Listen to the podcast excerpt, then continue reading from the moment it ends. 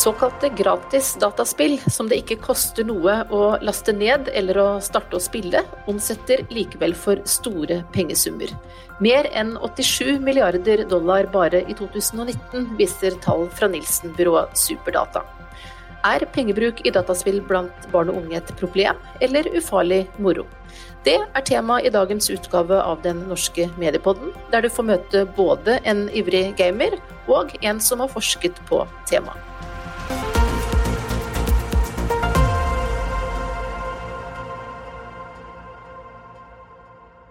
I dag skal vi altså snakke om dataspill, og særlig om pengebruk i spill.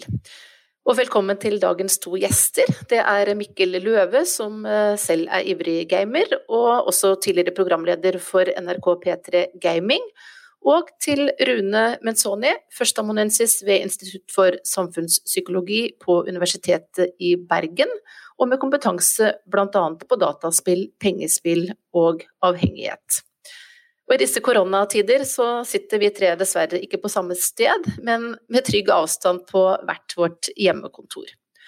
Og nettopp den situasjonen som vi alle har vært i de siste månedene, med strenge restriksjoner og dermed mye hjemmetid pga. koronautbruddet, har kanskje gjort at mange har spilt ekstra mye dataspill. Og hvordan er det med deg, Mikkel, har du spilt mer enn vanlig de siste ukene? Eh, jeg vil eh, tørre å påstå det, ja. Eh, men jeg pleier å spille ganske mye til vanlig, da, siden jeg nå driver og streamer på Twitch under navnet Mikkels Clubhouse. Og da er det på en måte Da spiller jeg jo daglig da, og, og kommuniserer med, med seerne, seerne, mine. Og jeg tror jeg har, ikke, jeg har ikke følt så veldig mye forskjell da, siden min på en måte hverdag er inne. Eh, og, og dem jeg møter, er online. Ja, hvor mye spiller du eh, vanligvis i, i løpet av en dag? Nei, det kan fort bli fra seks til ti timer. Mellom der. Hvilke spill er det du spiller eh, nå for tiden, da? Eh, akkurat nå så, så, så, har jeg begynt å spille et nytt spill som heter Valorant. Uh, som er er, et kompetitivt skytespill da, som uh, ligner veldig mye på Counter-Strike. Du er 20 år nå. Når eh, begynte du å spille dataspill? Uh, jeg, har vært, jeg har gamet ganske, ganske så lenge. jeg, tror, jeg, tror, jeg var mellom Jeg tror jeg var fire år når jeg først begynte å spille. Faren min introduserte meg til Spyro the Dragon, og etter det så har jeg aldri stoppet å spille. Hva var det som gjorde at uh, det med dataspill uh, fascinerte deg sånn i utgangspunktet? Du husker kanskje ikke tilbake fra du var fire, men i hvert fall så tidlig som du kan huske? Nei, jeg tror det er bare den uh, Kanskje den konkrete oppgaven du møter på, da. og den den progresjonsfølelsen du får da, av, å spille.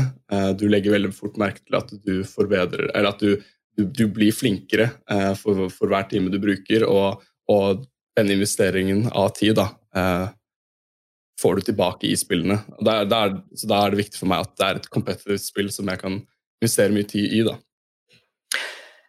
Når du bruker eh, seks til eh, ti, var det det du sa, timer om dagen på spill, har du på noe tidspunkt eh, følt at du har spilt så mye at du har opplevd det som et problem? Uh, det, det, vil jeg nå si.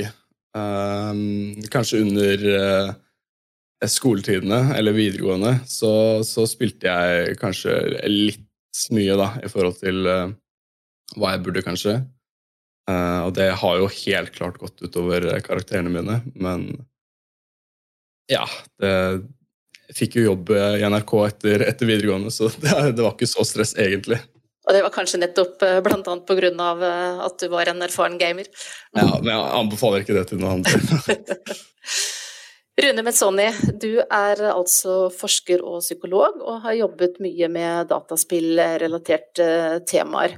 Og ifølge den siste barn- og medieundersøkelsen som vi i Medietilsynet har gjort eh, nå i 2020, så er det 86% av norske barn og unge mellom 9 og 18 år som spiller dataspill. Så det betyr jo at veldig, veldig mange av eh, norske barn og unge har dette som en hobby.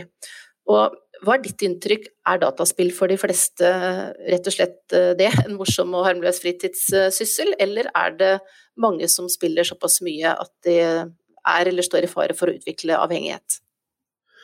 Nei, dataspill er først og fremst en morsom og sunn eh, fritidsaktivitet som eh, mange har eh, veldig mye glede av.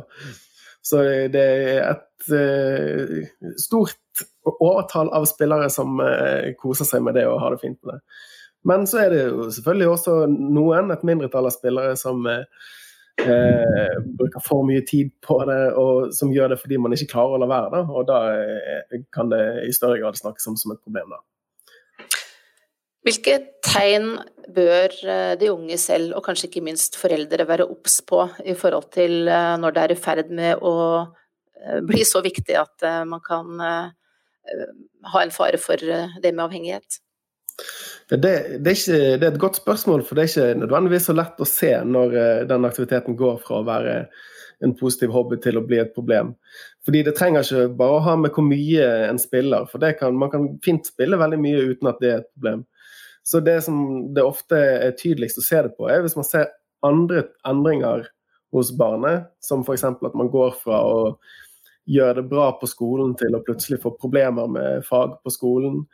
Det at man går fra å eh, ha mye positiv kontakt med venner rundt omkring, til å eh, i større grad være for seg sjøl og ikke få til de sosiale ting.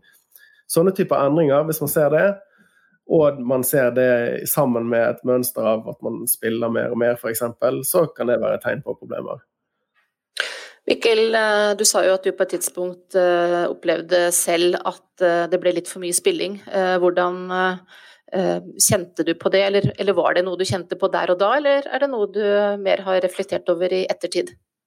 Det var kanskje noe jeg mer reflektert over i ettertid.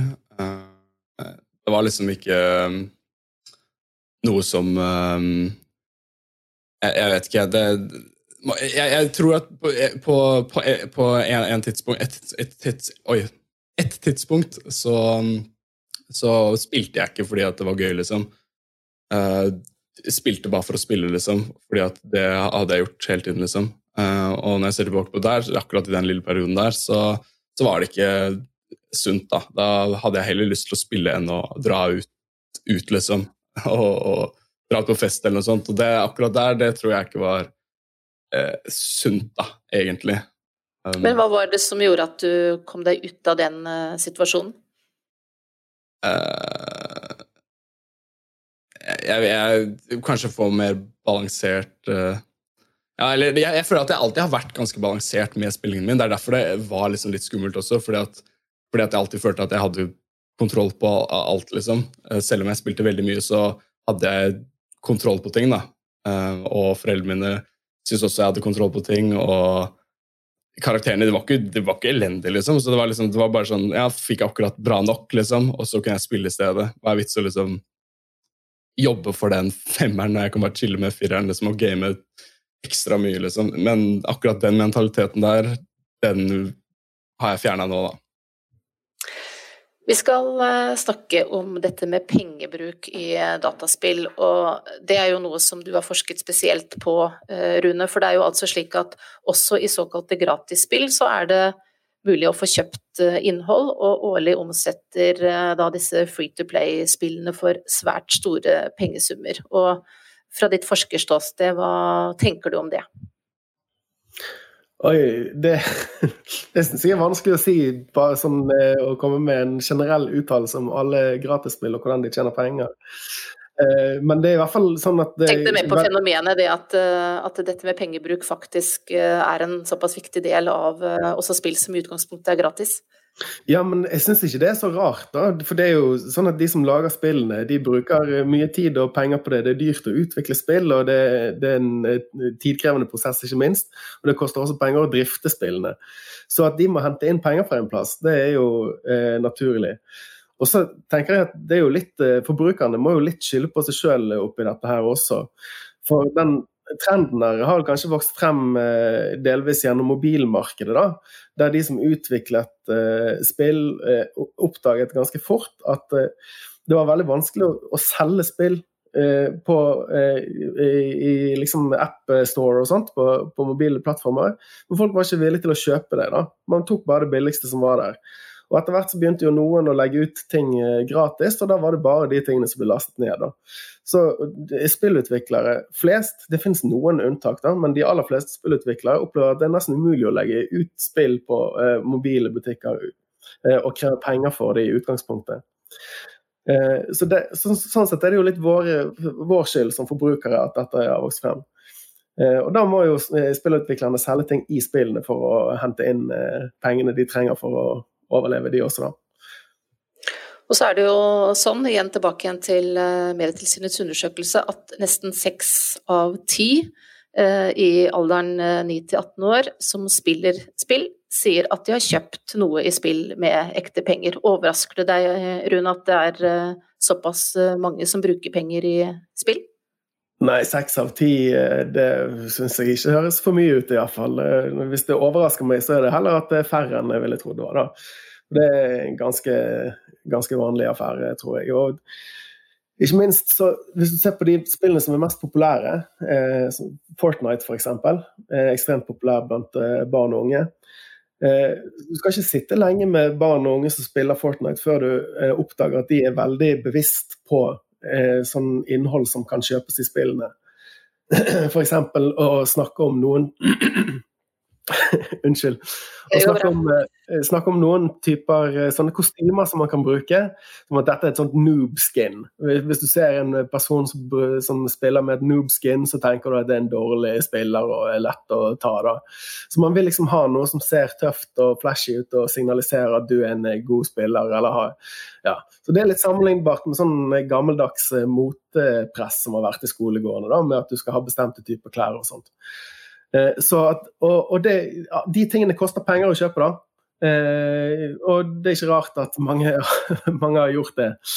Eh, det er ikke overraskende i det hele tatt, syns jeg. Mikkel, i hvilken grad bruker du penger når du spiller?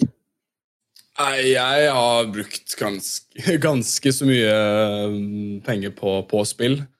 Og som Rune sier, så er jo det Så legger jeg veldig jeg legger veldig godt merke til at um, det er mye lettere for meg å bruke penger på et spill som er gratis, uh, enn et spill jeg har allerede betalt for. Og det er ofte sånn at i, så klart i de gratisspillene så pusher de litt mer det at du skal bruke penger på skins og, og ja, ja, kamuflasjene på våpen og, og de tinga der. Hvor mye uh, bruker du da? Penger?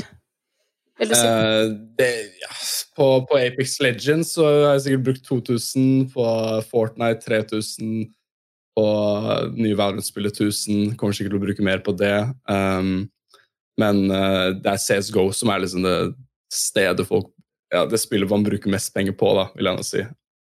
Uh, er det sånn at jeg, du uh, har bestemt deg på forhånd om, og eventuelt hvor mye penger du skal bruke, og så at du holder deg til det, eller hender det at du sklir ut og lar deg friste til å bruke mer penger enn du har tenkt i, i kampens sete mens du spiller?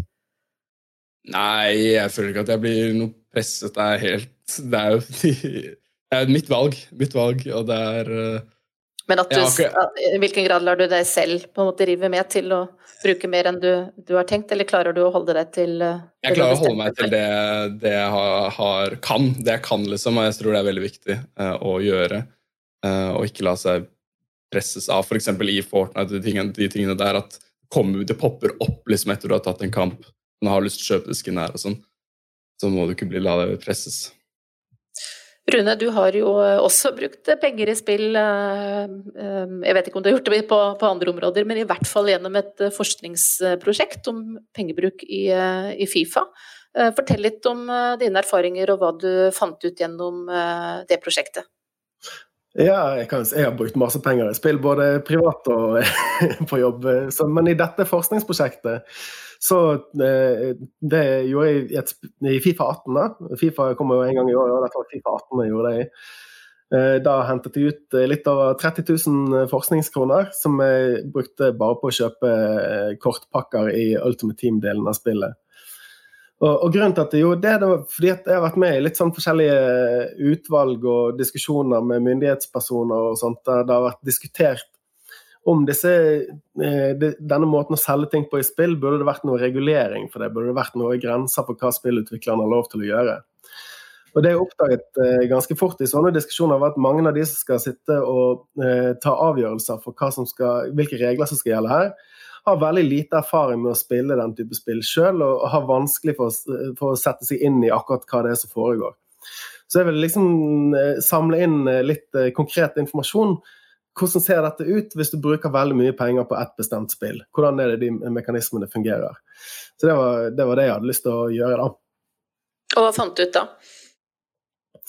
Jeg fant ut ganske mye, og det er jo mange måter å snakke om det på. Men kanskje mest sånn tydelig var at når jeg startet det prosjektet og begynte å åpne pakker, så, jeg, så gikk jeg inn på en sånn database over alle spillerne du kan få tak i i det fotballspillet. da, Og så satte jeg opp det dyreste laget som var mulig å få når jeg begynte. Det med alle de beste spillerne. Og så bestemte jeg meg for å se når jeg er ferdig og åpnet alle disse pakkene, har jeg da fått nok verdier i spillet til å kunne eh, liksom skaffe meg det drømmelaget, da. Eh, og det, var, det laget besto selvfølgelig av elleve spillere og noen innbyttere, som du må ha for å spille i Ultimate Team. Eh, og så satte jeg i gang da, og åpnet, uh, åpnet, hele veien de dyreste pakkene som vi kunne kjøpe i spillet, og brukte totalt litt over 30 000 norske kroner. da.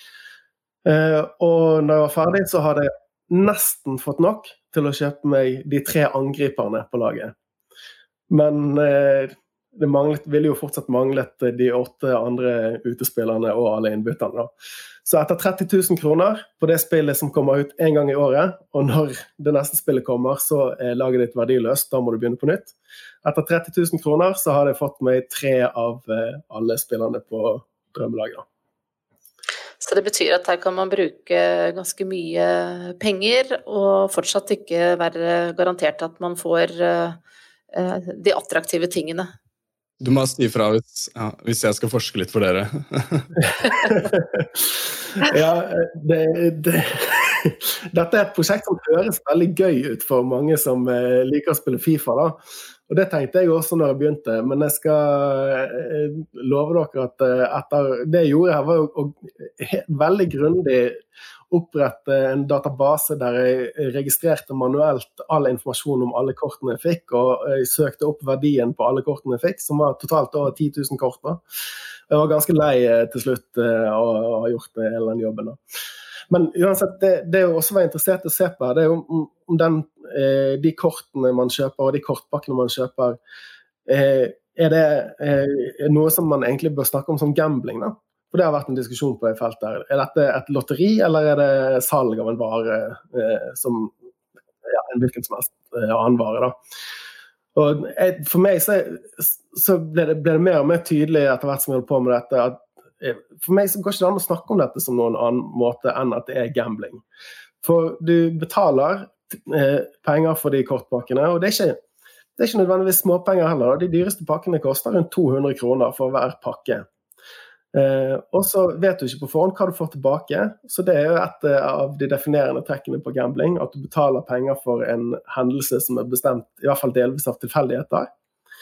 Og så sitter du igjen etterpå med noe som er mindre verdt enn det du spyttet inn. Eh, for tilbakebetalingsprosenten, hvis man kan kalle det for det, til spillerne, det er sånn at når du ser på hva de pakkene er verdt i spillet, for spillvaluta, da, så kan du, når du samler inn så mange pakker som det jeg gjorde, så kan du se på er det du får tilbake mer eller mindre verdt enn det de ber eh, om for pakken. Og den, det verdien du får tilbake, er i gjennomsnitt verdt eh, litt under halvparten av det du spytter inn. Som er klassisk sånn lotteri-tilbakebetalingsprosent, egentlig. da. For det vi snakker om her, er jo fenomenet lootboxer eller såkalte forundringspakker, ikke sant. Som eh, er ting ja. du kjøper eh, uten at du vet hva det er du får, før du har kjøpt det og, og åpner det opp. Det er det generelle begrepet for det, og som eh, kortpakkene i Fifa er et eksempel på. Kanskje mest, et av de mest kontroversielle eksemplene, fordi det er ekstremt stor business for EA. Eh, men, uansett, for, for, meg det ser veldig ut som gambling. Sjansen for å få de beste tingene i spillet er veldig, veldig lav. Du vet ingenting om det når du, eh, når du betaler for eh, pakkene, hva, hvor stor sjansen din er for å få de beste tingene, og så har du det gående. Mikkel, eh, opplever du det samme som Rune her eh, beskriver, at du, du bruker penger og, og, kjøper pakker, men i bunn og grunn så får du ikke en verdi som tilsvarer det du har betalt for? Uh, jeg har ikke spilt Fifa så mye uh, personlig, og jeg vet ikke om man kan selge de, de, de spillerne man får etter man har unboxa de. sånn i forhold til CSGO, da. Fordi i CSGO så er det også akkurat den samme type greie med gambling, at du åpner en case, og så bruker du 20, 27 kroner, 30 kroner, jeg vet ikke helt, husker ikke helt hvor mye det koster, men eh, så har du en sjanse i å få enten, enten, noe som bare har vært et øre, liksom, til noe som kanskje har vært flere tusen. Eh, og det som er med Counter-Strike, og det der, er at eh, de har et eget marked, da, sånn at du kan, kan på en måte tjene ekte penger på å faktisk åpne disse casene. Um, uh, som jeg personlig har prøvd å gjøre selv, da. og jeg har gått veldig, veldig mye minus i det greiene der. Og der er det jo der, Det er direkte gambling, i min mening. da. Uh, hvor. Er dette også da ting som uh, kan gjøre at plutselig så sitter barn og unge og Eh, da kanskje har brukt uh, mer penger enn de hadde tenkt, nettopp fordi at man har dette gambling-elementet inni det, tror dere? Ja, det tror jeg ting, Folk ja, Mange unge er jo på YouTube, ikke sant? og de ser jo veldig mye på sånn pack-opening og sånne ting, og det er veldig gøy å se på også. Og det gir jo en ekstra motivasjon til å selv tro at uh, du kommer til å få noe bra. For de mest populære videoene er videoer som folk får noe bra det er de som får se, ser, ser det. Og da kommer det kanskje ikke fram at eh, det heller er eh, sjelden enn ofte at man nettopp får noe som er, er verdifullt. Mm, ja. Ja, det, det, det, er ingen tvil om at youtubere Hvis du tar Fifa igjen da, som et eksempel, der har du youtubere som egentlig lever av å lage sånne pakkeåpningsvideoer. Da. Det er det som er det desidert mest populære innholdet de legger ut. Og De klipper jo selvfølgelig til. De åpner vanvittig store mengder med pakker, og så klipper de til sånn at de kan vise de mest imponerende tingene de får. Uh, og så sitter uh, folk som ser på og tenker at oi, det her var tøft, det har jeg lyst til å prøve også. Eh, og så vet man ikke at eh, de youtuberne gjerne har brukt en 10 20 30 000 på åpen pakke bare for den ene videoen de har sett på. Eh, da blir dette og, og, egentlig en måte å, å lure spillere til å, å, bruke penger, sånn som du ser det? Jeg tror ikke det er intensjonen til youtuberne. Flere av de sier også, at, sier også fra om at husk at jeg har brukt penger, at dette er jobben min og at jeg har brukt mye penger på det, ikke gjør det sjøl. Men, det, men, fra spillselskapenes eh, perspektiv så er det ingen som helst tvil om at den eneste grunnen til at disse mekanismene er her, og denne måten å selge ting på i spillene er der, det er at spillselskapene forventer å tjene mer penger gjennom å legge eh, innholdet ut i en sånn lotteriversjon enn de ville gjort hvis man bare skulle kjøpe hver gjenstand direkte. Eh, og det, hvis, i, i, Fifa, hvis du skal kjøpe hvis du regner om liksom, verdien av de mest verdifulle kortene til ekte penger, så, så, vil de mest verdifulle kortene koste rundt sånn opp i 10 000-kronersklassen. Og det er ingen, ingen, spillere, i hvert fall veldig veldig få, som ville gått inn og kjøpt eh, liksom, Icon Ronaldo-kortet for 10 000 kroner. Det er altfor mye penger. sant? Men du kan gjerne kjøpe noen sånne pakker og håpe at du får de kortene, som du ikke får. da. Et spørsmål til eh, dere begge to. Hva bør man tenke på eh, når man spiller dataspill og bruker penger, eller får lyst til å kjøpe noe mens man spiller? Hvilke råd har dere da, fra deres ulike ståsted? Eh, det jeg ville anbefale, er å bare, som f.eks. i Fortnite, da, kjøpe Battle Passet hvis du skal ha skins. Man blir jo lei av ja, disse kostymene etter hvert, og når man kjøper det Battlefastet så får man eh, etter hvert som man spiller, da, flere ulike ting å bytte, bytte mellom. Eh, så Det er min anbefaling da, istedenfor å kjøpe ett skin som koster 200 kroner, og så blir du lei av det neste uke. Ja, jeg vil si, Mikkel var inne på det tidligere, men det er, for meg så er det viktigste rådet at man gjør seg opp en mening om hvor mye penger man er villig til å bruke på et bestemt spill innenfor en periode på en uke eller en måned. Og så holde seg til det. da. For det er veldig fort gjort å miste oversikten over hvor mye penger man bruker i sånne spill.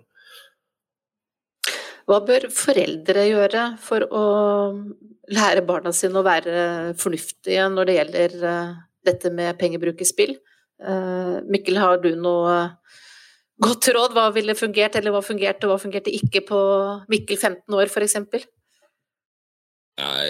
Jeg vil jo jeg syns det er viktig kanskje at foreldrene vet hva slags spill barna spiller. Se hvordan, uh, Finne ut hvordan det spillet uh, barnet ditt spiller, tjener penger. Uh, og, så det liksom ja, lære barnet det, da, på en måte, og gjøre gjør dem ja, våken på at, at spillet, spillet, har lyst til å tjene penger, så den prøv, vil prøve å pushe deg til å kjøpe ting. liksom. Bare er dette noe som uh, du har snakket uh, med dine foreldre om sånn underveis? Nei, egentlig ikke. Men du har klart det likevel? ja, jeg står her nå. ja. Eh, Rune, Medietilsynets undersøkelse Barn og medier viser at seks av ti av de som bruker penger i spill, sier at de har spurt foreldrene sine først. Hva er dine råd til foreldre som får et slikt spørsmål? Nei, Hva bør de si å gjøre da? Det viktigste foreldrene må gjøre, er eh, som Mikkel også er inne på, da, at man bør sette seg inn i hva dette eh, spillet handler om, og hvordan det spillet tjener penger. For her er det forskjeller. da. Og i, i, Fortnite så er det jo sånn at uh, der selges uh, kostymer og forskjellige ting uh, sånn stykkevis. Så du peker på det du vil ha, og så betaler du for det. Eller du kjøper Battle Pass, som er en sånn abonnementslignende tjeneste som varer en stund. da, Der du kan tjene innhold underveis. Mens i Fifa f.eks. så kjøper du pakker der du ikke vet hva innholdet er. Så der peker du ikke på hva du vil ha for det, du kjøper en sjanse for å få noe verdifullt. Så det er det ene. Man må vite betaler du for et sånt lotterilignende greie, eller betaler du for noe bestemt. En annen forskjell er at i, i Fortnite så er det sånn at uh, de tingene du kjøper, de, de har ingenting å si for din mulighet til å vinne i spillet.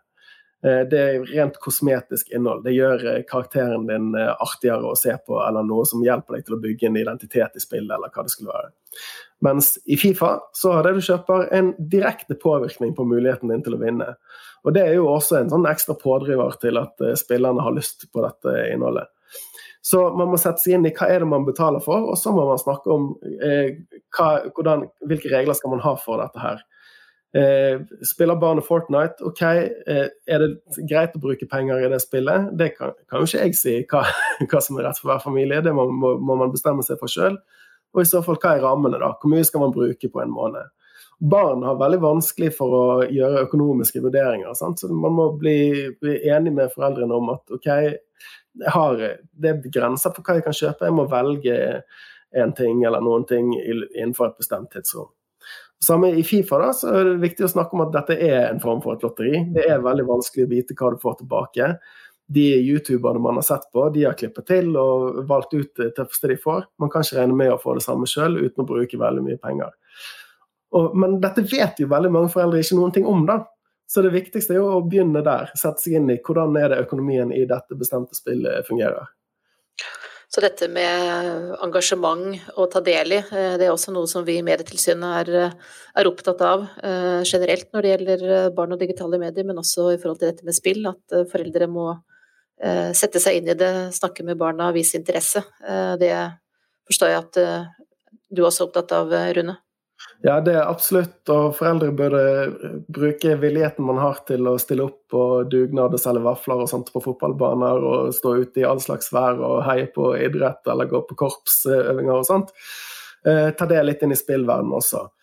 Eh, noen foreldre er jo selvfølgelig interessert i spill sjøl og gjør det der helt greit, men det viktigste er jo de som ikke er interessert i spill sjøl, av foreldre. De burde eh, vie den viktige interessen som barna har som er viktig i barnas liv.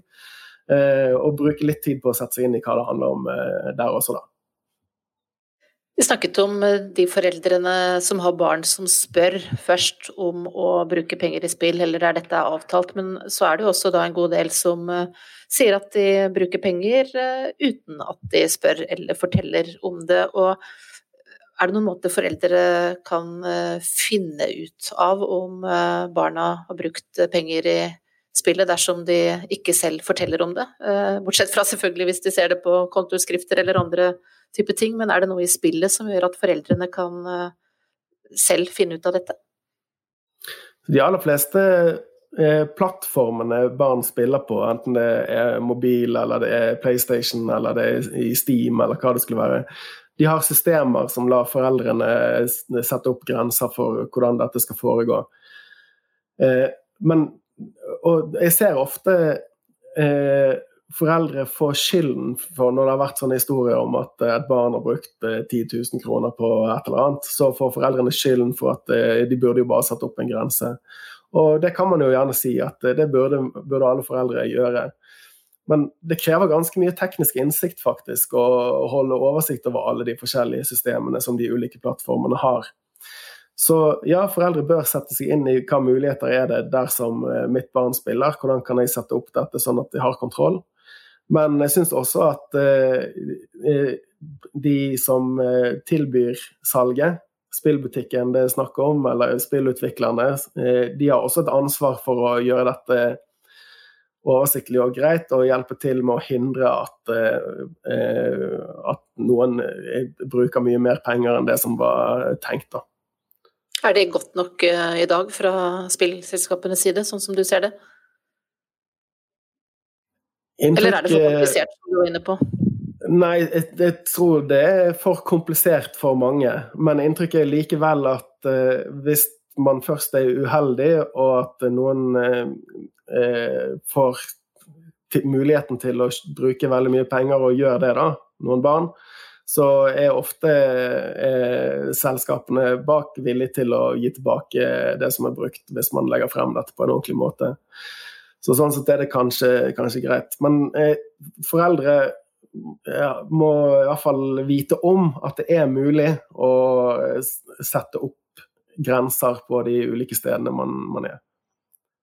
Mikkel, du eh, forteller jo, eh, når du fortalte om, om din pengebruk, at du opplever at du har, har, kontroll, du bestemmer deg for mye du skal bruke, du har ikke brukt mer enn det osv. Men du har jo også kontakt med, med mange andre som, som spiller. og Eh, har du sett på nært hold eksempler på barn eller unge som rett og slett har brukt eh, betydelig mer penger enn de burde ha gjort, og som har kommet i en vanskelig situasjon i etterkant? Uh, nei, det har jeg faktisk ikke. Um, tror det er ikke så veldig Det er ikke veldig mange som havner i den posisjonen eh, hvor du bruker plutselig mer penger enn du kan bruke. Um, jeg har, jeg har, jo brukt uh, ganske mye penger selv, så jeg må jo være den nærmeste personen jeg kjenner som har brukt uh, nesten mer enn det jeg bør. Men uh, jeg, jeg, jeg, holder meg innenfor en grense. Så. Vet foreldrene dine hvor mye penger du har brukt på dette opp gjennom årene, eller? Nei. nei. Rune, du var så vidt eh, inne på tidligere dette med regulering, og jeg tenkte vi skulle snakke litt om det også. Fordi eh, du sa jo at eh, etter forskningsprosjektet ditt så mente du å se helt tydelig, eller ha en oppfatning av at en del av dette rett og slett må kunne karakteriseres som, som gambling.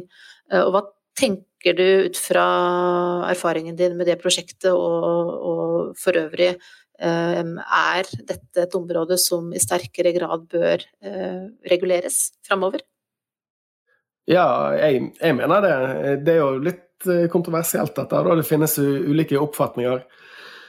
Men eh, min mening er at alle sånne former for lootboxer i praksis er å regne for, for gambling og burde vært regulert som det. og så, så mener jeg at noen varianter av dette helt udiskutabelt er gambling, og det er f.eks. Eh, CSGO, som Mikkel eh, snakker om. Fordi at der er det du sitter igjen med etterpå, noe som har en direkte økonomisk verdi. Eh, du kan selge det skinsene du får i CS for ekte penger på markedsplassen, eller du kan ta dem med og bruke det som innskudd på kasinoer og vinne flere skins. Det har en direkte økonomisk verdi, og da er det gambling. Eh, så det lurer jeg litt på hvorfor ikke egentlig Lotteritilsynet i Norge f.eks. har tatt tak i. det. Eh, mens i andre spill, som f.eks. Fifa, så er det du sitter igjen med etterpå, noe som i utgangspunktet ikke har en økonomisk verdi. Og da er det teknisk sett, etter juridiske definisjoner som vi har i Norge, ikke gambling. For der er det krav om at det du sitter igjen med, skal ha en økonomisk verdi. Så er det likevel mer komplisert igjen enn det, da. Fordi at i Fifa så er det sånn at de tingene du får, de eh, gir deg en, de gir deg bedre lag, så de gir deg en større sjanse til å vinne mot de du spiller mot. Og Dermed gir det deg også større sjanse til å kvalifisere deg for turneringer med pengepremier. Og så sånn sett så gir tingene du får, deg en bedre mulighet til å vinne penger, og dermed har det indirekte en økonomisk verdi. Og ikke bare det, men selv om det i utgangspunktet ikke går an å si at dette har en økonomisk verdi, for du kan ikke omsette det til penger i spillet, så finnes det et svartebørsmarked der du kan gjøre det. Så der er det også en indirekte måte å gjøre om dette til, eh, til penger.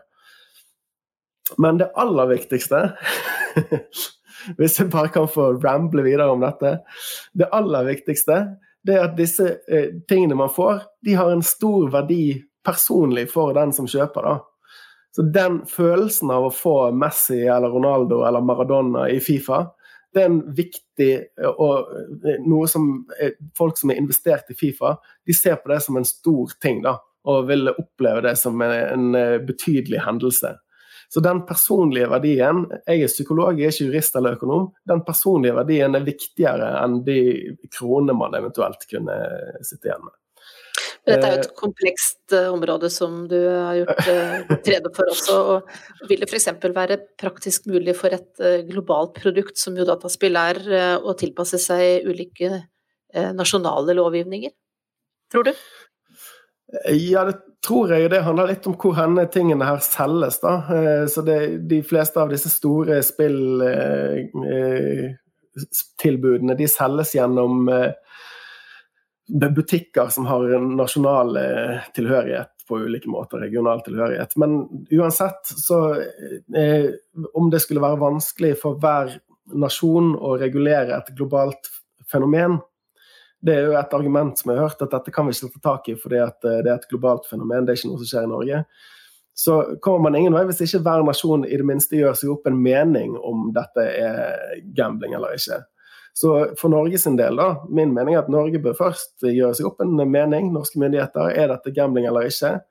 Og så vil man jo se, da, hvis, hvis alle landene i EU f.eks. bestemmer seg for at dette er gambling, så blir det regulert som gambling. Vi så f.eks. I, i Frankrike da, at, eh, med, med, med, caser og sånn eh, i CSGO at um, Eh, Steam, da, som, eh, eller Valve, eh, de måtte endre hvordan casen blir åpnet i Frankrike. At du kunne på en måte se fra før hva som var i den casen, før du åpnet den, så du liksom bare så gjennom den, sånn at du, du gikk rundt det der at det er tilfeldig hva du får. Så de, akkurat da så endret, endret Jeg vet ikke om det, var, om det var landet i seg selv som gjorde sånn at det endret, eller om det var Valve som måtte eller det var Val som måtte endre det i forhold til reglene, men som, som vi har sagt tidligere, så er jo, er jo det CSGO-greiene det er direkte gambling, vil jeg nå tørre å påstå. Dette er helt uh, sikkert en uh, diskusjon som uh, både vi og andre kommer tilbake til. på tampen så tenkte jeg at det er viktig å få fram at det jo også er mange positive eh, ting med dataspill. I Medietilsynets undersøkelse sier f.eks. seks av ti at de opplever gaming som sosialt, og sju av ti sier at dataspill gjør dem flinkere i engelsk. Um, Rune, fra et forskerståsted, er du mest bekymret sånn alt i alt, eller uh, er du mest positivt innstilt til uh, Eh, hvordan, eh, hvilke effekter eh, dette med dataspill har inn mot barn og unge. Mest positiv. Det er utspill, spill er, som sagt, spill er en i utgangspunktet sunn og fin aktivitet. Og det har blitt en viktig sosial arena for barn. da. Så det skal man være klar over at hvis man nekter barn å spille et spill som veldig mange andre i klassen f.eks. spiller, så tar man bort en sosial arena for, for barn å være på. Samtidig skal man også være oppmerksom på at når det er sant, når det er en sosial arena der ungene er og er sammen og er med hverandre, så er det også en arena der utfordringer som er i andre sosiale områder, eh, også gjelder. Så dette med utestengelse eller eh, dårlig oppførsel mot hverandre, det gjelder i spill som sosiale arenaer eh, også. Og det kan være viktig å følge med på fra foreldres ståsted. Mikkel, hva har vært det aller mest positive for deg gjennom de årene du har holdt på med gaming? Nei, det er et veldig, veldig vanskelig spørsmål. Um, du kan få lov å si flere ting, da. ja, jeg har jo fått venner gjennom gaming, og den mestringsfølelsen er også en veldig uh, stor del av det. Um, det er veldig vanskelig Ja, jeg tror det må være det, altså. Jeg, ja, det er litt vanskelig spørsmål, der, altså. Jeg syns det var et uh, godt svar, ja. Uh, ja. Og jeg tror at uh, da runder vi av der. så tusen takk til deg, Mikkel Løve, som altså selv er gamer, og til Rune Menzoni. Jeg vet ikke om vi skal kalle deg gamer også, Rune? jo, det, det er på sin plass, det. det også, ja. Og så er du for øvrig da førsteamanuensis ved Institutt for samfunnspsykologi på Universitetet i Bergen. Og til eh, dere lyttere, dere har altså hørt på Den norske mediepodden fra Medietilsynet. Hør gjerne på flere utgaver. Du finner mange episoder om ulike medierelaterte temaer der du vanligvis hører på podkast. Programleder har vært eh, Mari Welsand, og jeg ønsker på gjenhør.